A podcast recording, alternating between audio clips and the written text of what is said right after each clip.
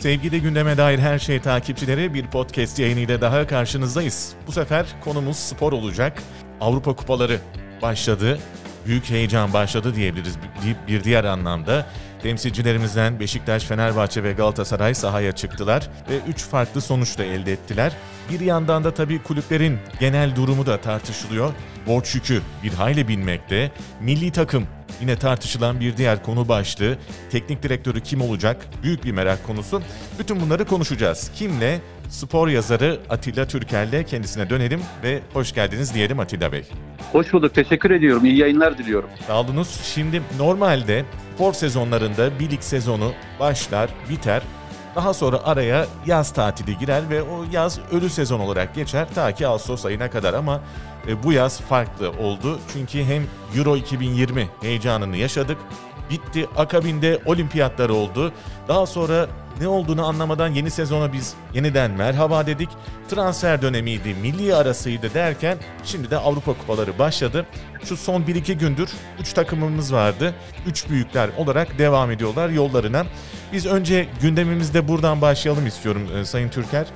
Beşiktaş, Fenerbahçe, Galatasaray 3 takım, 3 farklı sonuç, bir galibiyet, bir beraberlik, bir mağlubiyet elde ettik. Genel anlamda nasıl gördünüz takımlarımızın performanslarını? Şimdi önce üç büyük takımımızı da kutlamak gerekir. Yani e, Beşiktaş aslanlar gibi mücadele etti ama rakibi dünya çapında çok önemli bir rakipti, güçlüydü, Alman ekolüydü, Dortmund'tu. Belki de şampiyonanın en büyük favorilerinden birisi Şampiyonlar Ligi'ni kastediyorum tabii.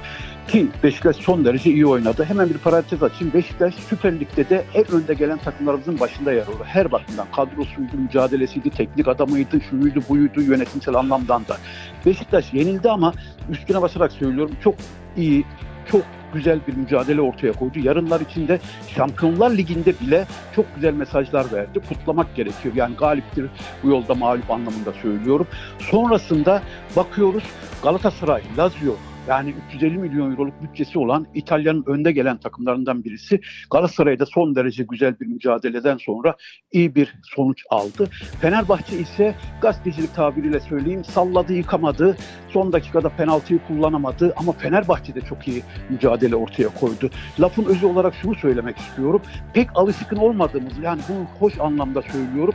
Son derece güzel bir tablo ortaya koydu. Bu üç takımımızın verdiği mücadeleden dolayı kutlamak gerekir. Hem mücadeleleri e, Beşiktaş dışında alınan sonuçlardan dolayı kutlamak gerekir. Üstelik Avrupa'daki kulüp bazındaki puanlama anlamında da son derece iyi oldu. Çünkü biz puanlama açısından, sıralama açısından maalesef çok kritik bir noktadayız. Her geçen gün geriye gidiyoruz. Güney Kıbrıs, Türk Güney Kıbrıs bile bizi geçti. Yani bu şartlar altında üç büyük takımımızı yürekten kutluyoruz. Önceki sezonlara nazaran son derece iyi bir başlangıç yaptık. Üstüne basarak söylüyorum hem e, genel tablo olarak hem de e, Galatasaray'ın aldığı galibiyet hem Fenerbahçe'nin Eintracht Frankfurt gibi son derece önemli bir takım karşısında ortaya koyduğu mücadele anlamında kutluyoruz kutlamak gerekir. Son yıllarda ne yazık ki Avrupa kupalarında pek de başarılı olamadık kulüp bazında. Ee, Galatasaray'ın 2000'deki başarısı, daha sonra Fenerbahçe'nin Şampiyonlar Ligi çeyrek finali, Beşiktaş'ın yine çok yüksek puan elde ederek gruptan çıkışı, tur atlaması evet. derken tabii Fenerbahçe'nin bir de e, UEFA'da yarı finali var. Bunu da hatırlatalım ama evet. son 4-5 yıldır işler pek de istenildiği gibi gitmiyor. O yüzden ülke puanında biz bayağı bir geride kaldık. Son olarak Çekya'da geçti. İki galibiyet, bir beraberlik elde etti Çekya kulüpleri. Biz ise bir galibiyet, bir beraberlikle onların bir altında kaldık. 18. sıradayız. Biraz sizin tabii gururlandırdılar dediniz. Şaşırttı mı? Çünkü futbol, e, spor kamuoyunda genel bir şaşkınlık söz konusu. Özellikle Galatasaray'ın tabii galibiyet bekliyorduk. İyi de oldu, sevindik ama Lazio, rakipte Lazio olunca acaba olur mu diyorduk. Keza Fenerbahçe'de de Beşiktaş'ta da öyle. Ne dersiniz? Vallahi tatlı bir sürpriz oldu. Yani açık söylemek gerekirse ben de dahil veya hepimiz bu kadar iyi bir tablo ortaya konulmasını beklemiyorduk. Yani hoş oldu, güzel oldu, müjde oldu, bir başkaldırış oldu. Biz yani son yıllarda maalesef bu mücadeleyi pek ortaya koyamadık. Kulüp bazında ortaya koyamadık diyoruz. Zaten görüntü ortada 18. sıraya, alt sıralara kadar gittik ki Galatasaray bir ara 2003 yılında Galatasaray birinci sıradaydı. Ama şu anda bakıyorsun Galatasaray bile 75. sırada. Yani bu Türk futbol adına vahim bir durum. Ama Avrupa kupalarında son 2-3 günde yapılan karşılaşmalarda ortaya konulan futbol gerçek anlamda bir müjde niteliğinde ne bileyim iyi transferlerin bir sonucu, teknik adamların oyuna dokunuşlarının bir sonucu anlamında yarınlar içinde çok güzel bir mesaj verdi, müjde verdi, güzel bir tablo ortaya koydu. Üstüne basarak söylüyorum bu kadar güzel futbolu kim bekliyordu acaba veya bu kadar güzel sonuçları kim bekliyor bilemiyorum. Beşiktaş yenilmesine rağmen elinden kaçırdı diyebiliriz. O, o, kadar güzel bir çok mücadele yazık oldu, koydu ki. Tabii çok yazık oldu. Ya dünya devi rakibi her şeyden önce. Daha ötesine gitmeye gerek yok. Galatasaray'ın mücadelesi, Fenerbahçe'nin mücadelesi. Şimdi herkese bir tatlı, bir sevinç, kıbır kıbır bir duygu düşünce olduğunu düşünüyorum. Zaten gazeteler de bunu ortaya koyuyor, sanal ortamda bunu koyuyor. Bırakın sanal ortamı gazeteleri, görünen köy kılavuz istemez. Üç takımımız da gerçek anlamda aslanlar gibi mücadele verdi. Her bakımdan kutlamak gerekiyor. Peki sportif başarıları e, böyle böyle konuştuk. Bir de yönetim e, bazında neler söyleyebiliriz? Onca transfer yapıldı ki baş döndürücü nitelikteydi adeta. Evet. Bir yandan da şimdi dört büyüklere de bir borç yapılandırması da gündemdeymiş. Evet. Artık öyle takip bile edemiyoruz. Kim geldi, kim geçti, yok limitlerdi, yok şuydu, yok buydu derken bir borç yükü de bindi. Şimdi buna Evet. yeniden meclisin açılmasıyla beraber bir e, düzenleme de gündemdeymiş galiba. Hadi bunu da Evet. yapılandırdık. Yeniden affettik de e, sonrası bir ders alınıyor mu sizce? Vallahi ders alınsaydı bugünleri yaşamazdık. Yani geçmişte son derece kötü yönetim gösterdi büyük kulüplerimiz, Anadolu kulüplerimiz. Yani Türkiye'de iyi yönetim gösteren kulüp yok denecek kadar az. Özellikle büyük kulüplerimizin tablosuna baktığımız zaman maalesef hiç iç acı değil. Berbat, skandal, rezalet. Yani her birinin Galatasaray'ın, Fenerbahçe'nin 4 milyar Türk lirasına civarında borcu var ki yansıyan tablo, e, e, yansıyan rakamlar belki de daha fazla. Ki Beşiktaş'ın da 3-3,5 milyar lira borcu var. Trabzonspor'un keza 2 milyar lira borcu var. Yani geçmişte çok kötü yönetildi kulüplerimiz. Sakat futbolcuya böyle 21 milyon euro paket halinde Fenerbahçe'yi kast, kastediyorum. Transferler yapıldı. Kimsenin tabii cebinden çıkmadığı için veyahut da yarınları düşünülmediği için veyahut da tribünlere oynandığı için taraftarın gönlünü hoş tutabilmek için maalesef çok kötü kararlar alındı. E bunun sonucunda da çark dönmüyor artık.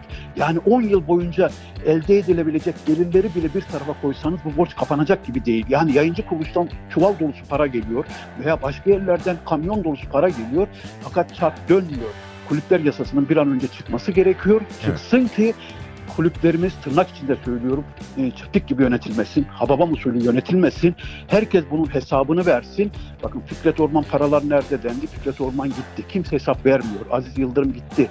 Eğer kulüpler yasası olsaydı kulüplerimiz bu kadar başıbozuk yönetilmezdi. Bir karar alınırken veya bir transfer yapılırken ince eleyip sık dokunurdu. Ama şimdi kimsenin umurunda değil. En azından bugüne kadar kimsenin umurunda olmadı. Dilerim alınacak kararlar doğrultusunda yarınlarda herkesin umurunda olur. Umarız. Şimdi gelelim son konu başlığımıza milli takım teknik direktörlüğü. Şenol Güneş bir dönemdi, açıldı, kapandı, bitti. Artık çok da fazla geriye gitmemek lazım. Konuşulan bir isim var.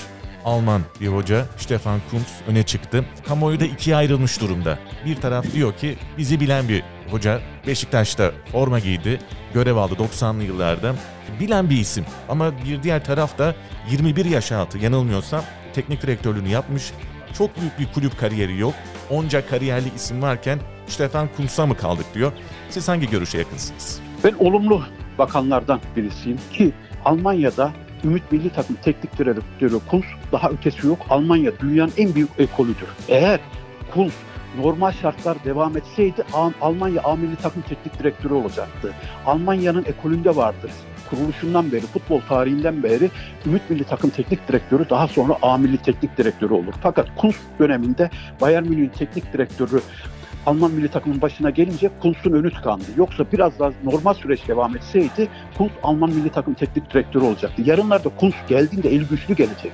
Öyle ahbap çavuş usulü yanına şu alınsın bu alınsın gibi durumlar olmayacaktır diye düşünüyorum. Her şeyden önce Kuntz'un yanında da duyduğumuz okuduğumuz kadarıyla Tayfun Korkut gelecek. Türk futbolunun yakından tanıdığı Almanya'da doğup büyüyen bir kardeşimiz arkadaşımız. Gönül isterdi ki bir Türk teknik direktör olsun. Fakat bazı teknik direktörler kendilerini yenileyemedi. Bazıları yerinde saydı. Bazıları birbirlerinin kuyusunu kazdı derken şimdi kime sorsak şu olsun diyebilecek bir teknik direktör yok veya tartışılır anlamında söylüyorum. Biz de size çok teşekkür ediyoruz katkılarınız için. Çok sağ olunuz. Ben teşekkür ediyorum. İyi yayınlar diliyorum. Hoşçakalın. Sevgili gündeme dair her şey takipçileri bir podcast yayın